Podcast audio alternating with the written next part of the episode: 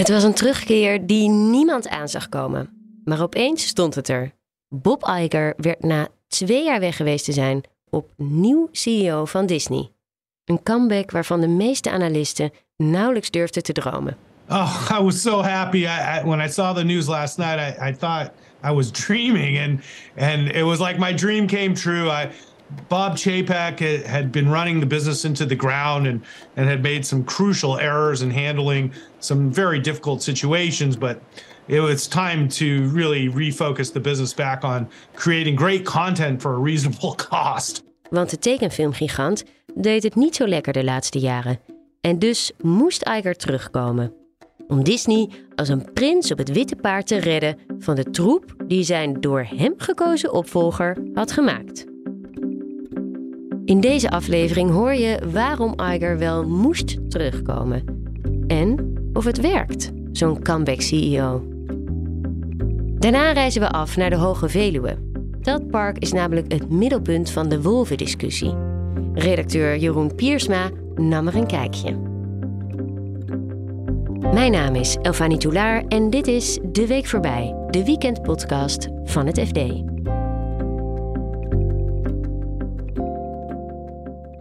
Op 21 november werd de mediawereld opgeschrikt door een comeback die niemand had zien aankomen. Zelfs niet onze oud Silicon Valley-correspondent Eva Schram. De ophef ging niet om een of andere derde-rangs boyband die aankondigde voor de vierde keer een reunietour te organiseren. Nee, de ophef ging over de terugkeer van de oude CEO van Disney, Bob Iger. Dat is een, uh, een legendarische oud-CEO van Disney, die daar 15 jaar gezeten heeft. En die eigenlijk wordt gezien als degene die Disney er weer bovenop geholpen heeft. Disney was in de jaren 90 heel populair en succesvol. Toen kakte het een beetje in. En toen vanaf 2005 zat Iger daar. En die heeft een paar grote overnames gedaan die heel succesvol zijn gebleken. Zoals? Zoals de animatiestudio Pixar.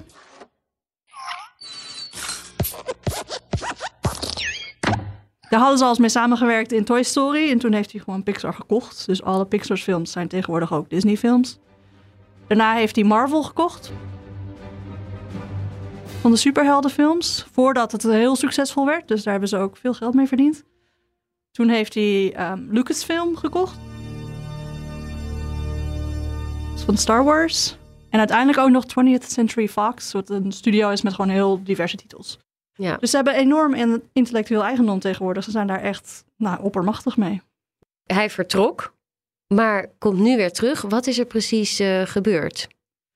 Ja, een paar jaar geleden heeft Iger eigenlijk Bob Chapek als zijn toekomstige opvolger aangewezen, getraind. En toen zo net voor de pandemie was het tijd voor Chapek om het over te nemen. Nou ja, dat was natuurlijk wel lastig hè, in de pandemie, want ze konden, de, de pretparken zijn ook een belangrijke inkomstenbron voor Disney. Dat daar kwam Chapek ook vandaan, die leidde dat eerst. Daar konden ze geen geld verdienen. Ze konden geen geld meer verdienen op een cruiseschepen en niet meer op films in de bioscoop. Ze hebben een paar lastige jaren gehad, maar ondertussen groeide Disney Plus, het nieuwe streamingabonnement, dat ooit door Iger bedacht is, maar door Chapek verder gebracht, mm groeide heel hard natuurlijk tijdens de pandemie.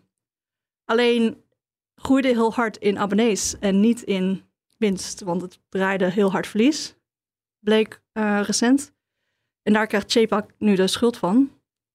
De beurskoers is dit jaar ook heel hard gedaald, 40 procent. Er was binnen Disney ook echt wel een, een soort uh, revolte tegen Chapek gaande. Want hij had ook een andere bestuurscultuur dan Iger voor hem had. Dus Iger was heel erg van de creatieve hun gang laten gaan. En daar succes uithalen. En Chapek wilde toch meer de touwtjes in handen houden. Dat viel niet goed binnen Disney. Dus uiteindelijk blijkt uit Amerikaanse media dat zelfs zijn eigen CFO op een gegeven moment het vertrouwen in JPEG verloor en toen moest hij vertrekken. Iger wees dus zijn eigen opvolger aan. En achter de schermen bleef hij actief bij Disney. Hij sprak regelmatig met hoge pieven binnen het bedrijf en verdiende miljoenen met zijn adviezen. Heeft hij Disney ooit losgelaten? Nee, hij heeft eigenlijk Disney nooit losgelaten. Want hij was tot vorig jaar ook nog gewoon voorzitter van de Raad van Commissarissen. En daarna heeft hij van Disney nog een consultancy-contract gekregen om gewoon te blijven um, raadgeven. Nou ja, dat wordt nu stopgezet omdat hij nu echt weer CEO is de komende twee jaar. Mm, en wat gaat hij doen? Hij gaat uh, het bedrijf weer winstgevend maken, uh, wordt gezegd. Disney Plus uh, strak trekken, de koers omhoog brengen. En een nieuwe opvolger uitkiezen, want hij heeft nu een contract voor twee jaar. En die comeback-CEO, dat komt vaker voor. Dat ziet ook onze boardroomfluisteraar Pieter Kouwenberg. Vooral in Amerika zie je het heel vaak. Op het moment dat er bij een groot bedrijf het helemaal misgaat met de nieuwe CEO, dan komt er druk op hem van analisten en van beleggers. Het gaat helemaal verkeerd, het gaat helemaal verkeerd. En wat doen ze dan in Amerika? Teruggrijpen op een safe pair of hands. Op een oude CEO die heel veel succes heeft gebracht. En uh, ja, dan, je zag het, de bekendste voorbeeld is natuurlijk Apple. Waar Steve Jobs eruit gegooid werd door zijn raad van commissarissen. Omdat hij onhandelbaar en eigenwijs was. Het ging mis met Apple en de roep van beleggers was: breng Steve eh, Jobs terug. En hij kwam terug. Starbucks van de koffie is een misschien nog wel mooier voorbeeld. Meneer Howard Schultz. Die is eh, geloof ik al twee of drie keer teruggeroepen om uh, de boel weer op de rails te zetten nadat zijn opvolgers probeerden te vernieuwen. En dan moest meneer Schultz back to the core komen. En het, het mooiste voorbeeld heb ik zelf meegemaakt, althans mooiste voorbeeld wat ik zelf heb ervaren is bij Procter Gamble van de, van de luiers en de waspoeder. Daar werd voor het eerst een Nederlands-Amerikaan benoemd, Dirk Jager, man van uh, bijna twee meter. En die wilde Procter Gamble echt innoveren en die ging als een, letterlijk als een tank door die organisatie. Wanneer? rond de internetbubbel. Dus dat zal rond 2002, 2003 zijn geweest. Hij wilde alles ondersteboven halen, omdat Procter Gamble op een andere manier verder moest, anders zou het bedrijf niet overleven. Nou, wat gebeurde er? Analisten begrepen het allemaal niet. Erger nog, de werknemers uh, werden diep ongelukkig, want meneer Jager vroeg te veel van ze. Hij maakte de organisatie te complex werd er dus na anderhalf jaar uitgegooid. Wat deden ze? Terugvallen op een safe pair of hands. Meneer Levely, gewoon een rustige, stabiele manager die gewoon teruggreep op uh, het vertrouwde Procter Gamble zoals we dat kenden. En daarna kleine stapjes het bedrijf transformeerde in de richting van meneer Jager het wilde. Nou. En is het een beproefde methode? Het is in Amerika een zeer beproefde methode. Bij grote bedrijven, bij kleine bedrijven is de comeback CEO. Ja, ik denk dat je elk jaar wel een paar voorbeelden vindt.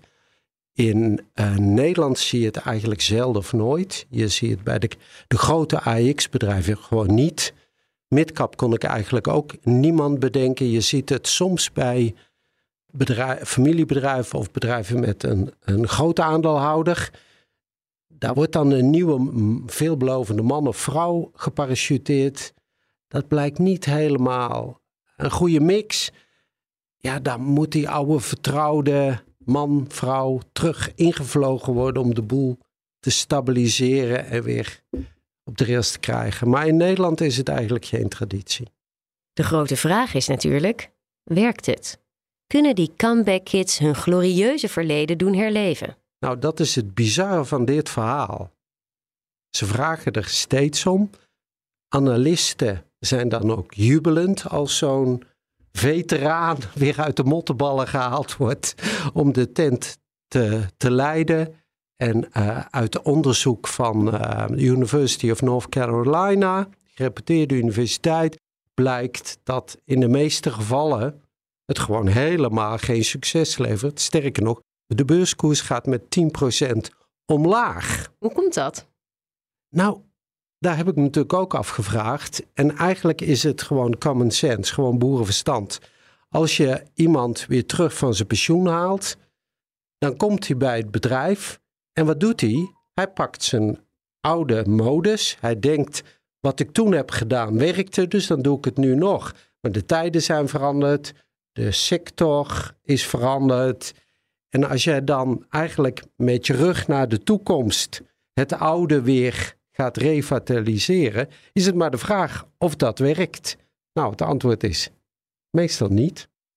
Toch wordt er vaak teruggevallen op die oude CEO's. Waarom is het zo moeilijk om in dit soort onzekere tijden voor een bedrijf dan een goede nieuwe CEO te vinden? Omdat wat ze heel vaak doen is, ofwel ze nemen iemand van buiten. En dan is het maar de vraag of er een culturele fit is. Iemand heeft een bepaald karakter, komt uit een bepaald bedrijfssector. Dan moet het wel klikken met die organisatie. Het is toch een, een vreemd organisme, wat dan in dat lichaam binnenkomt. En de, noemde altijd de beeldspraak uit de geneeskunde. De rode bloedlichaams komen in actie, omcirkelen het vreemde, de vreemde bacteriën kijken, is het uh, safe of niet? Als het onveilig is, duwen we hem eruit. Dus er moet een cultural fit zijn. Soms nemen ze iemand van binnen. Bijvoorbeeld ING wilde heel graag zeg maar digitaliseren, moderne bank worden. En toen hebben ze de safe pair of hands overgeslagen, de mensen met bestuurlijke ervaring, en hebben ze Ralf Hamers gevraagd. Waarom? Omdat Ralf Hamers een absolute visie had op digitalisering. Alleen Ralf Hamers ging te hard, te snel voor die organisatie. Hij is zeker niet mislukt, maar je ziet toen hij trok daar, werden er maar heel weinig tranen om hem geplenkt en was hij eigenlijk snel vergeten. Dus nogmaals, hij is daar zeker niet mislukt, maar het is gewoon verdomd moeilijk om iemand te vinden die cultureel past en ook het goede tempo aanvoelt. Of het Iger wel gaat lukken, dat moet blijken. Problemen zijn er namelijk genoeg bij Disney. Maar als je de analisten moet geloven, dan is hij de man. Iger is dus wel echt, wordt gezien als Mr. Disney eigenlijk. Dat is natuurlijk gek, want Walt Disney is Mr. Disney, maar... Ja, de nieuwe Mr. de Disney. nieuwe Mr. Disney. Uh, hij heeft wel een moeilijke opgave, want kijk, het draait natuurlijk uiteindelijk allemaal om Disney+. Plus, het streamingplatform. Uh, en net als alle andere streamingplatforms hebben die moeite met winstgevend worden. Netflix is het enige winstgevende streamingplatform. Nou, ik zal niet zeggen ter wereld, maar in Amerika. En dat is nu dus een Iger die juist heel erg had ingezet op we gaan uh, Disney Plus zo goedkoop mogelijk aanbieden met een heel groot aanbod. Dat kan, dan ben je veel abonnees, maar dan maak je gewoon geen winst. En nu heeft hij wel gezegd, nou, het moet toch winstgevend worden. En dat is een uitdaging die, waar ook heel veel andere uh, bedrijven zich voorzien. Dus we, moeten het aankijken. Wat je vaak ziet bij CEO's die dan een tijdje weggaan en dan door analisten en andere betrokkenen worden teruggevraagd: alsjeblieft, kom dit bedrijf uh, alsnog redden, kom terug. Dan zie je vaak dat dat misgaat omdat de wereld is veranderd. Dus de CEO is nog hetzelfde en die was heel erg goed in zijn vak, maar ja, de omstandigheden zijn veranderd. Dat is hier natuurlijk ook gebeurd. Is dat niet een risico ook voor Iger nu? Nou ja, hij loopt natuurlijk wel het risico dat als het niet lukt, is die hele reputatie die hij in 15 jaar heeft opgebouwd, van de redder van Disney, dan is die wel beschadigd. Dus daar neemt hij een risico mee, maar hij gelooft kennelijk dat hij het kan. Um, de in hoeverre de wereld is veranderd in die nee, elf maanden dat hij geen voorzitter van de Raad van de Commissarissen meer is. Ja, nou ja, in dat streaminglandschap dus. Dat, dat is in hoeverre de wereld is veranderd, denk ik.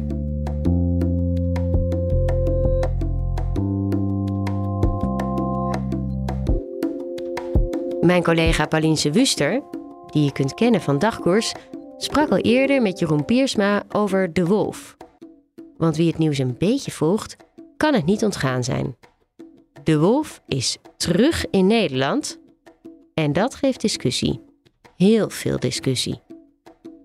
Ook op de Hoge Veluwe. Daar lopen nu al tenminste zeven wolven rond. En laat dat nou toevallig ook een plek zijn waar redacteur Jeroen Piersma graag komt. Er is namelijk een heel mooi kampeerterrein op de Hoge Veluwe binnen de hekken. En ik vind het leuk om daar uh, te kamperen. Dus ik was een paar weekenden geleden daar uh, het laatste mooie najaarsweekend uh, met de tent.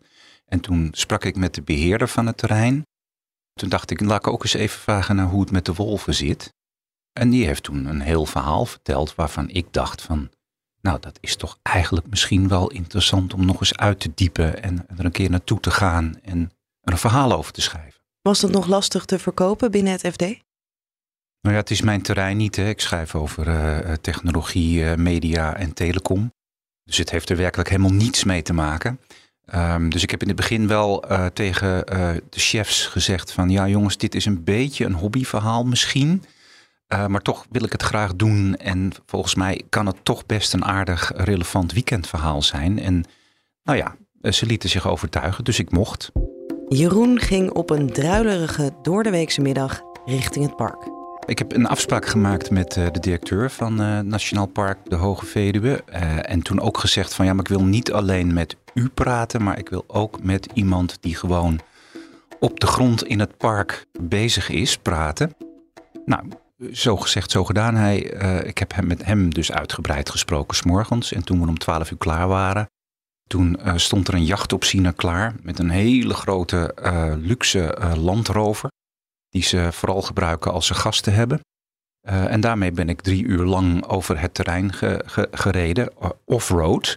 Op zoek naar uh, mouflonkarkassen en andere dingen om zeg maar op de foto te zetten. Ehm, en de situatie ter plekke te zien. Dat was wel een heel klein beetje een jongensdroompje wat uitkwam.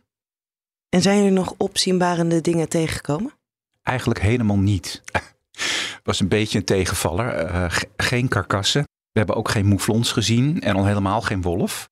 Dat nam niet weg dat hij prima kon vertellen uh, wat er op de Hoge Veluwe uh, aan de hand is met die wolven. En wie bij de Veluwe denkt aan dat enorme uitgestrekte stuk natuur, die heeft het mis. Dit verhaal gaat specifiek over het park. Nou ja, de Hoge Veluwe is een uh, omheind gebied. Hè. Er staat, wat is het, 50 kilometer hek omheen. Um, daarbinnen zijn ze um, heel erg bezig met het beheren van het terrein. Um, ze hebben bosgebieden, ze hebben open terreinen. Um, en dat heeft dan weer met allerlei, uh, uh, hoe zeg je dat, uh, diversiteit van de natuur te maken. dus daar wordt heel druk getuineerd, zeg maar. en het probleem is, die wolf die fietst daar een beetje doorheen. Um, om één voorbeeld te geven, ze proberen die open gebieden open te houden door alle kleine dennenboompjes weg te halen. Nou, dat doet die mouflon dus, die eet die dennenboompjes. Maar ja, die mouflons die zijn inmiddels door de wolf teruggebracht van een kudde van 300 naar 40. En die 40 die hebben ze nu uh, veilig in een klein reservaatje achter een hek gezet. Heeft dat ook nog gevolgen voor de rest van het park? Of is het vooral die dennenbomen wat dan het probleem is voor die wolf? Ja, dat is een aspect. Maar um, belangrijker misschien nog is dat heel veel mensen komen naar de Hoge Veluwe om wild te zien. Herten, mouflons, zwijnen. Um, en het probleem is dat die wolven, die um, hebben dus die mouflonkudde nu zo'n beetje opgegeten op 40 na. Die zijn nu bezig met uh, de edelherten en de reeën. Uh, naarmate er minder wild is, zullen mensen misschien toch de, minder de neiging hebben om naar de Hoge Veluwe te komen. Um, en wat misschien ook nog speelt, is dat die wolven hebben de neiging om tam te worden. Daarmee zijn ze een risico. Um, en dat betekent dat mensen misschien ook een beetje bang worden om te gaan fietsen en wandelen over de Hoge Veluwe. Dus ja, um, ze zijn misschien toch ook wel bang voor het bezoekersaantal. Ja. En dat is niet gering hè, bij de Hoge Veluwe. Ze hebben, staat in het jaarverslag, uh, eh, 500.000 mensen per jaar op bezoek. Ze hebben zo'n 10 miljoen omzet, 1,3 miljoen winst. En iets tussen de 2 en de 300 werknemers in dienst. Dus het is behalve een stichting ook gewoon een behoorlijk bedrijf. Um, ja, dat loopt gevaar door die wolven. Zouden we bedrijfsmatig ook niet kunnen zeggen dat het de wolf goed is, omdat er mensen juist op afkomen die de wolf willen zien? Nou, dat is ook waar.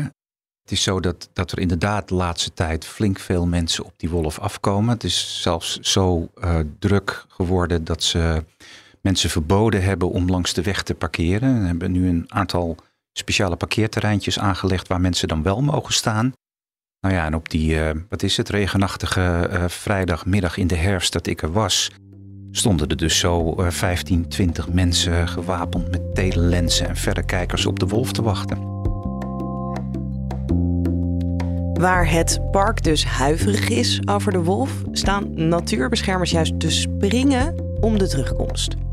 Omdat het de kroon is op het herstel van de natuur in Nederland. Er is natuurlijk al heel lang worden de pogingen gedaan om de echte natuur weer een beetje terug te brengen eh, in Nederland. Nou, dat is tot op zekere hoogte gelukt. Maar wat natuurlijk altijd ontbrak, was een topjager zoals de wolf. En die is er nu dus wel. Wat daarmee samenhangt is dat die natuurbeschermers um, geen liefhebbers zijn van de jacht. Er moet natuurlijk in Nederland flink gejaagd worden om die wildstand uh, niet uit de hand te laten lopen. Uh, daar hebben ze een geweldige hekel aan. En hun idee is dat de wolf dat op een natuurlijke manier over kan nemen. Daar zijn ze bij de Hoge Veluwe misschien niet helemaal mee eens. Nee, want bij de Hoge Veluwe zeggen ze dat de wolf niet precies weet waar de grens ligt. Kijk, de, de, de Hoogveluwe schiet ook ieder jaar uh, herten en uh, mouflons en uh, zwijnen af. Omdat het er anders te veel worden op zo'n beperkt terrein. Maar ja, die jachtopzieners die weten ongeveer het aantal wat ze willen hebben. Dat is bij de wolf natuurlijk niet zo. Hè? En de wolf heeft ook het probleem dat... Die heeft een soort heftig jachtinstinct dat um, hij pakt vijf mouflons uh, tegelijk, um, eet er eentje half op en laat de rest liggen. Kan de wolf verder niks aan doen, dat is gewoon blijkbaar een soort instinct. Maar dat helpt niet om zeg maar, het hoeveelheid wild op het goede pijl te houden. De Hoge Veluwe deed er alles aan om de wolf buiten het park te houden. Zo sloot het de twee ecoducten richting het park en zorgde het voor een hek waar absoluut geen wolf doorheen zou moeten kunnen. Maar zoals we nu weten, de wolf die kwam toch binnen. En dat is een beetje een uh, raadsel hoe dat gegaan is. De Hoge Veluwe zegt dat het te maken heeft met knippingen in het hek. Dus uh, het hek is de afgelopen twee jaar op een heleboel plaatsen opengeknipt. Um, en zij denken dat de wolf via die open plekken in het hek naar binnen is gekomen. En impliciet, en zelfs ook wel een beetje expliciet, beschuldigen zij dus fanatieke natuurbeschermers ervan dat zij bewust dat hek geknipt hebben om die wolf erin te laten. Daarvan zegt um, de voorzitter van uh, uh, faunabescherming, uh, toen ik hem gebeld heb, dat dat onzin is. hij zei van, nou ja, het, iedereen kan zien dat het park bij de, bij de ingangen wagenwijd open staat. Dus zij kunnen het in ieder geval, zegt hij, niet bewijzen dat het zo gegaan is. Ja, wat denkt hij dan dat er gebeurd is? Nou ja, hij houdt de mogelijkheid open dat die wolven dus via die uh, ingangen, uh, hè, waar wel een wildrooster in ligt, maar de wolf schijnt daar makkelijk overheen te kunnen, maar dat die wolven dus via die weg toegang tot het park hebben gekregen. Ja. Ik, ik weet het niet, ik kan het niet controleren. Ik heb ook de schade aan het hek niet gezien. Uh, dat is er misschien op dit moment ook niet meer. Um, dus nee, dat blijft een beetje in nevelen gehuld hoe dat gegaan is. Ja. Maar er wordt wel over en weer beschuldigd. Kan de Hoge Veluwe iets doen tegen de wolf? Nou, ze hebben een groot probleem. Dat is namelijk dat de wolf um, door Europese wetgeving en ook Nederlandse wetgeving heel streng beschermd wordt. Je mag er eigenlijk geen vinger naar uitsteken. Um, ze hebben bij de provincie uh, Gelderland om uh, ontheffing van de wet gevraagd, zodat ze die wolven kunnen vangen dan wel afschieten. Want voor hun staat als een paal boven water dat ze er vanaf willen. Of dat gaat lukken, dat blijft voorlopig de vraag. Tot nu toe heeft de rechter steeds geoordeeld dat de wolf niks aangedaan mag worden. Ook met paintballs op de wolf schieten blijft voorlopig verboden. En dus gaat de discussie over de wolf door. Hoe zou jij de discussie rondom de wolf karakteriseren? Is het verhard gepolariseerd? Het gekke aan de discussie is, toen ik me erin ging uh, verdiepen, uh, vond ik er allerlei licht komische en koddige uh, aspecten aan. Zoals bijvoorbeeld dat paintball schieten. Um, maar eigenlijk is het helemaal geen komische discussie, want um, die discussie is behoorlijk gepolariseerd. Dat gaat hard tegen hard. Um, de, het, het, het, park, het Nationaal Park zegt dat ze al jaren op social media uh, onder vuur liggen. Uh, nog net geen doodsbedreigingen, zei die directeur tegen mij. Um, omgekeerd verdenken de natuurbeschermers het park eraan de hele trucendoos open te trekken om die wolf zo snel mogelijk van het park te krijgen. Het gaat vrij ehm, stevig, die discussie. En er is weinig begrip over en weer. Het is misschien ook lastig om in een land als Nederland die natuur echt in controle te houden. Ja, dat denk ik ook. Ehm, Nederland zit natuurlijk helemaal vol met regels en wetten. Ehm, overal wordt alles intensief beheerd. Um, allerlei mensen hebben allerlei belangen. En ja, daar fietst zo'n stuk ongebreidelde natuur als een wolf dwars doorheen.